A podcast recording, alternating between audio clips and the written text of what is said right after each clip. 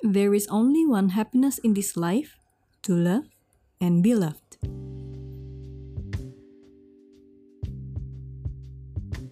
Ketemu lagi bareng dia Amel Dan dia Billy. di Sunspot Funcast Karena bersama kita senang. Wow, terima kasih para pendengar setia kami. Meskipun baru dua episode. Betul, tapi kita anggap aja pendengar setia. Jadi episode depan tuh dengerin lagi, dengerin lagi, lagi, lagi, dan lagi Oke, terima kasih pendengar setia sudah setia mendengarkan kami. di Sunspot Funcast. Karena bersama kita senang. Ya, ini kita bisa ngulang terus kalau diulang-ulang terus gitu ya. Nah, jadi kita akan membahas satu hal yang sangat fundamental dalam kehidupan manusia, Yang adalah cinta. Deritanya tiada akhir. Oh, kebanyakan nonton Sun Sun Gokong. ya. betul. Berasa babi saya. Di- kan kan cepat kai. Benar-benar, benar. Memang begitu. Tapi cinta itu adalah satu hal abstrak yang semua orang butuh dan mengidam-idamkan. Bukankah begitu? Ya, eh, kalau menurut gua bukan semua orang butuh ya, tapi secara naluriah semua orang pasti pernah merasakan cinta minimal sekali. Menurut gua ya, kalau misalnya ada orang yang bilang gue nggak pernah ngerasain cinta seumur hidup gua, menurut gua itu apa ya? Kayak- Sedih ya? Bukan sedih ya? maksudnya kayak eh, mungkin belum eh, memahami atau memaknai cinta tuh apa makanya sampai nggak dirasakan karena menurut gua minimal pasti deh ada satu momen di mana lo eh, merasakan cinta nggak harus dari orang tua ya nggak harus dari orang yang deket ya lo bisa merasakan cinta juga dari bahkan orang yang lo nggak kenal sekalipun Wow, luar biasa. Super sekali. Nah, jadi menurut Ibu Amel Teguh, Wow. wow, tiba-tiba kok saya punya nama belakang orang Eh, lain Jadi Bu Amel, cinta itu apa sih? Sahabat-sahabat yang super. Pendengar Sunspot Funcast yang super Jadi cinta itu adalah sebuah bentuk makanan Nggak deh bercanda. Wah, nikmat sekali ya, bisa dimakan. Kalau menurut eh, pendapat gue ya itu tadi eh, Karena cinta itu sebetulnya abstrak dan bentuknya banyak gitu ya. Jadi itu merupakan sebuah em, I don't know bisa jadi ekspresi gitu ya. Ketika kita em, menghargai seseorang gitu. I mean itu juga salah satu bentuk cinta gitu meskipun kalau ditanya cinta itu apa gue nggak tahu sih sebenarnya artinya apa dan menurut gue itu cukup abstrak ya untuk diartikan gitu karena kalau lu tanya cinta itu apa ke gue ataupun ke Billy mungkin ya artinya buat kita eh, bisa berbeda nah gimana Bill? Pasti berbeda sih menurut gua. Jadi semua orang tuh pasti punya defi- definisi cintanya masing-masing. Menurut gue sendiri, cinta itu lebih ke respon kita terhadap sesuatu. Jadi cinta itu mirip kayak ketawa atau sedih. Jadi itu bukan eh, hal yang kita tentukan. Oh oke, jadi kita saling melengkapi ya. Gue bilang cinta adalah sebuah ekspresi. Kalau tadi lu bilang cinta adalah sebuah respon, gitu ya. Yes. Jadi ketika lu ditunjukkan sesuatu yang lucu atau lu menerima suatu kejadian yang sedih, lu secara otomatis akan meresponi itu dengan tertawa atau menangis. Mm. Cinta sama seperti itu. Ketika lu menemukan sesuatu yang lu cintai, itu akan menjadi respon alami dari diri lu untuk oh gue mencintai hal ini. Iya iya iya iya, gue cukup setuju sih gitu karena eh, pada akhirnya memang cinta harus saling melengkapi. Iya. Stop. Oke, nyamuknya sudah ditepuk. Oke, jadi gini nih teman-teman, Eh, hari ini karena kita mau bahas em, Cinta. cinta seluas-luasnya gitu ya. Seluas lautan kan Iya, dibilangnya. tapi semua itu eh, harus ada dasarnya. Eh, ada Yes. etimologinya biar Yes. keren. Jadi kalau misalnya dulu mungkin teman-teman belajar apa biasanya ngomong? Gua- Kalau di gua iya, kalau di gua- di sekolah sih kayaknya agama ya gitu kan. Mungkin ada teman-teman juga yang belajar filsafat juga mungkin Oh, iya, ya itu bener kayaknya juga. lebih tepat ya, Ha-ha, filsafat. gitu. Nah, eh, ada dikenal yang namanya bentuk-bentuk cinta. Asik. Pernahkah kau bertanya seperti apa bentuk kopi tanpa cangkir? Eh, eh, panas. panas ya. Panas. Biasanya kalau kopi tanpa cangkir tuh di teko. di take away. Di take away. Minumnya dituang dari atas. Oke, nah eh, ada beberapa bentuk-bentuk cinta gitu ya yang kemarin eh, gue sempet research juga gitu karena dapat tema "Ih, kita mau ngomong tentang cinta nih gitu kan. research biar kayak ini podcast bener. Research research biar kelihatan pinter. betul Oke, nah ada eh, ternyata ada tujuh jenis cinta yang tadinya gua tahu tuh sebenarnya jenis cinta tuh cuma ada empat ya. Betul. Ternyata sekarang sudah ada perkembangan lagi gitu sampai ada tujuh eh, bentuk cinta gitu. Mungkin ada beberapa teman-teman yang sudah familiar dengernya, tapi gua menemukan ada eh, setidaknya dua bentuk cinta baru yang dibahas gitu dan menurut gue juga akan menjadi cukup penting gitu ya di kehidupan kita. Nah, cinta pertama adalah cinta agape. Nah, ini teman-teman pasti familiar sih dengan ini. Agape atau unconditional love. Di mana karena waktu itu gue belajarnya di agama ya, ini diibaratkan sebagai cinta dari bentuk eh, Dari cinta Tuhan. dari bentuk salah-salah bentuk cinta dari Tuhan untuk manusia di mana itu adalah unconditional jadi mau sebobrok apa pun lo yang di atas tetap sayang sama lo itu unconditional love eh, yang diajarkan ke gue tentang eh, agape Nah, selain itu ada juga yang namanya cinta pragma. Pragma ini cinta yang lebih praktikal atau dutiful. Jadi, kalau misalkan kita bisa ibaratkan seperti ketika misalkan nih kita sebagai anak punya orang tua yang mungkin sudah eh, sakit dan kita harus ngurusin, itu tidak bisa dibilang itu sebagai suatu beban ya, tapi itu tuh jadi kayak sebuah bentuk cinta kita terhadap orang tua yang berdasarkan kepada eh, duty kita terhadap kewajiban, kewajiban. Ya benar-benar kewajiban kita untuk kayak kayaknya karena ini orang tua gue gue harus ngurusin nih yes. Atau mungkin kalau zaman dulu tuh ada orang yang dijodohkan. Hmm. jadi nikahnya tuh bukan karena jatuh cinta di awal tapi setelah menikah jadi punya kayaknya kewajiban sebagai seorang suami atau sebagai seorang istri yang membuat eh, jadi saling menyayangi satu Yes. sama lain. Itu cinta pragma tuh practical. Betul, sebenarnya pragma ini mungkin orang eh, ada beberapa yang mengartikannya negatif karena itu adalah suatu keharusan atau kewajiban ya, misalkan kayak tadi nikah yang dijodohkan. Tapi sebenarnya kalau kita lihat dari sisi lain ya, ternyata cinta juga bisa bertumbuh dengan dasar dari eh, kewajiban gitu, eh, Betul, duty kalau gitu ya. kalau bahasa Jawanya tuh ada witing trisno jalaran soko kuliner. Oke, yang gue tahu cuma kulinernya aja nih, tapi gue tahu itu bukan phrase yang tepat. bukan, bukan. Phrase yang tepat itu witing trisno jalaran soko kulino. Jadi jatuh cinta itu bisa datang karena terbiasa. Ah. Mungkin awalnya memang pragma ya yang harus nih, cuman Mm-mm. karena terus terus terus terus jadi beneran cinta yang lain tuh tumbuh juga. Yes. Nah, eh, udah ada agape, udah ada pragma. Cinta ketiga adalah cinta filia, yaitu deep friendship love. Nah, ini nih yang punya besties, besties. Inilah cinta filia gitu di mana kita menghargai seseorang sebagai seorang teman sedekat itu sampai mungkin eh, seperti saudara gitu ya, Bill ya. Mm-mm-mm. Kalau bahasa Jawanya tuh konco kental. Oh, memang Anda tuh orang orang Jawa asli sih ya. Eh, iya, gitu ya. betul, Eh, betul. karena dari Pekalongan gitu ya. Jadi apa pun ada eh, Ada bahasa Jawanya. ada jargon Jawanya. Betul, betul. konco-konco kental nggak nggak cocok gue Nggak, bisa nggak, nggak, nggak nggak cocok bisa, nggak nggak bisa bisa. nggak asli ya jadi ada filia yaitu deep friendship love Nah, selain itu ada juga yang namanya storge atau storge. Storge. Ya nanti kita biarkan pakai Google Translate aja kali ya Ayo, Storge. yang kayak gitu kan biasa kan kalau Google Translate gitu. Nah, ini adalah family love. Lebih ke antar saudara yang bener-bener bisa saudara kandung, bisa saudara sepupu, kan pasti ada tuh frasa-frasa yang kayak mau gimana pun juga dia kan tetap saudara kamu, dia kan tetap adik kamu. Nah, ini lebih bisa dikategorikan sebagai storge ini.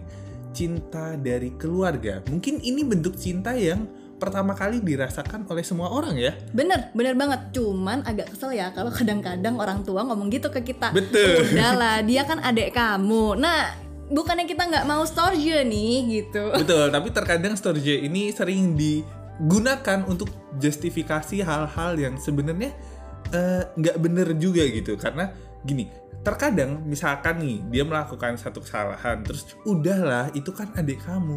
Nah, nggak bisa kayak gitu karena si adik ini justru jadi tidak bertumbuh karena kita memaafkan semua kesalahannya.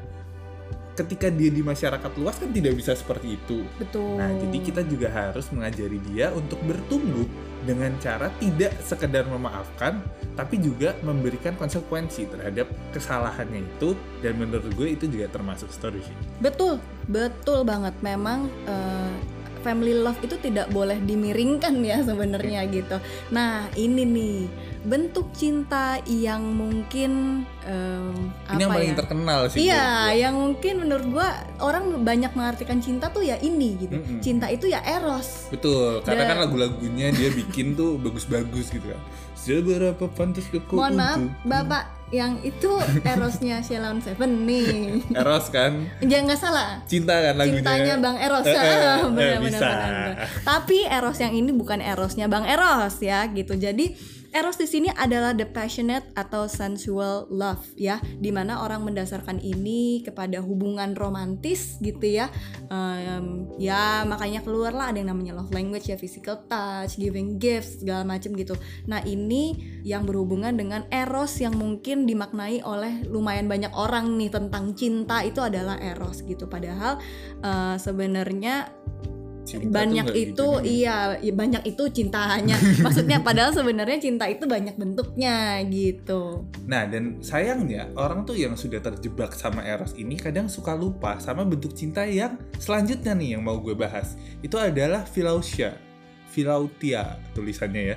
Nah mungkin ini agak jarang ya untuk kalian dengar karena gue sendiri pun juga baru-baru ini nih dengar karena mau ngebahas ini jadi tahu oh ada ya Philautia ini. Research biar pinter. Ihi. nah Philautia ini adalah self love atau cinta kepada diri sendiri. Dan menurut gue ini adalah salah satu bentuk cinta yang sangat sangat sangat sangat penting sekali. Karena menurut gue kalau lu tidak bisa mencintai diri lu sendiri, gimana lu bisa mencintai orang lain? Atau gimana lu bisa dicintai sama orang lain? Kalau lu tidak tahu bagaimana cara untuk mencintai diri lu, kan jadi bikin berantem tuh. Dan kadang, kadang nih ya, tidak selalu orang yang sudah punya eros, yang sudah passionate sama orang lain, kadang melupakan dirinya sendiri. Makanya suka ada yang uh, hati yang tersakiti karena pasangannya. Nah, karena orangnya ini sendiri lupa gitu loh untuk mencintai dirinya sendiri lebih dari pasangan. Yes, makanya sekarang apalagi nih ya di era pandemi kayak gini banyak banget campaign-campaign yang mengangkat tema self love gitu. Karena memang mungkin di pandemi ini adalah saatnya orang untuk take a step back uh, kemudian introspeksi beristirahat dan lebih mencintai dirinya sendiri lebih ngedengerin dirinya dia sendiri. Semua supaya si Philosia ini tidak dilupakan oleh orang-orang uh, ya yang menjalani pandemi ini gitu. super sekali oke okay. nah uh, Philosia ini adalah uh, apa ya salah satu bentuk cinta yang gue juga baru dengar dan ada satu lagi bentuk cinta yang gue juga baru pernah dengar gitu ya itu adalah ludus yaitu playful fun love. Nah, di sini mungkin ya ludus itu banyak dihubungkan uh, dengan iseng-iseng doang, buat fun aja tapi nggak serius gitu. Yang Dan, bahasa kerennya ini friend with benefit. Wes FWB FWB gitu kan katanya gitu. Padahal sebenarnya ludus itu uh, artinya adalah lebih dari itu. Jadi maksudnya gimana gitu? Menurut gua uh, banyak orang yang mengartikan uh, cinta adalah eros dan ludus adalah bukan cinta. Nah yang kayak gitu loh. Padahal sebenarnya ludus dan eros itu adalah bagian dari bentuk cinta juga di mana ketika lu in a relationship sama orang akan ada ludus dan akan ada erosnya di situ. Betul banget. Karena kadang tuh ya kalau misalkan kita udah ih gue mau serius sama orang ini kadang lupa untuk bersenang-senang sama Betul, orang ini. terus jadi nggak ludus Wow, keluar medoknya si Amel ya tiba-tiba ya. Nah tapi menurut gue memang apa ya? Kalau misalkan erosnya tidak didampingi dengan ludus, ini yang mengakibatkan banyak keretakan-keretakan hubungan. Wih, gila ya gue jadi kayak uh, konselor pernikahan. Oh, tapi baik. tapi tapi menurut gue uh, ini opini gue ya. Kalau misalkan erosnya tidak didampingi dengan ludus, yang ada adalah uh, orang itu pasangannya itu membutuhkan cara lain untuk mendapatkan ludus ini. Betul. Karena cinta itu kan juga kebutuhan dasar manusia ya. Mm-mm. jadi kalau misalnya nggak ada ludus dia akan mencari di tempat lain makanya bisa ada yang no string attached Ya, friend with FWB, benefit FWB. tapi masih punya suami punya istri gitu kan Yes. agak repot ya Ah, ah, jadi emang si ludus ini nih jangan sampai dilupakan ketika kalian sudah memang in a romantic relationship ya gitu. Mhm, betul sekali. Nah, tapi di luar dari semua itu gitu ya kan kita tadi udah ngomongin agape, udah ngomongin eros, ludus dan lain sebagainya. Gimana sih caranya kita tahu kalau kita tuh sebenarnya udah jatuh cinta sama orang lain? Nah ini buat gue susah ya gitu karena sebenarnya gini, eh gue tuh nggak pernah tahu kapan gue jatuh cinta sama orang gitu loh. Even ketika ya gue sudah memutuskan untuk in a relationship nih, sorry sorry to say, gue tuh nggak bener-bener tahu apakah gue jatuh cintanya jatuh cinta yang mana gitu karena balik lagi gue juga tahu bentuk cinta itu banyak gitu. Hmm. Jadi eh, agak ngeblur ya kalau misalnya gue kayak oh wah kayak kalau misalnya di film gitu kayak I know he's the one gitu. Nah nggak tahu gue. I know I'm in love with him. I don't know. yang gue tahu cuman gue seneng menjalani hari-hari gue sama dia dan di saat ini nih maksudnya dia tuh kayak bisa eh, mungkin melengkapi kebutuhan gue juga gitu dan dia juga bisa membuat gue menjadi orang yang lebih baik gitu. Maybe itu juga sebuah bentuk cinta gitu cuman gue juga nggak tahu namanya apa gitu. I just happy uh, for being with um, my partner gitu. Kalau menurut lo gimana? Eh, se- sebenarnya kalau menurut gua yang paling penting adalah terlepas dari bentuk cintanya apa tuh nggak penting. It doesn't matter mau mau itu ludus mau itu eros mau itu apa pun gitu ya. Bentuk cintanya apa itu tidak penting tapi lebih penting di eh, apakah bisa saling melengkapi atau enggak. Eh, kita ba- balik lagi di ke awal callback callback. Nggak gitu dong bukan callback namanya apa sih? Ya gitulah ya pokoknya. Eh, nggak penting menurut gua bentuk cintanya apa yang penting adalah eh, perasaannya untuk mencintai. Dan kalau buat gue sendiri itu akan jadi lebih gampang karena eh, seperti yang udah gue bilang tadi menurut gue cinta itu respon. Respon alami manusia terhadap sesuatu atau seseorang gitu. Bisa aja nggak cuma orang bisa aja sama hewan sama benda-benda kesayangan. Ah ya itu juga bisa jadi sebuah bentuk cinta gitu kan secara tidak langsung.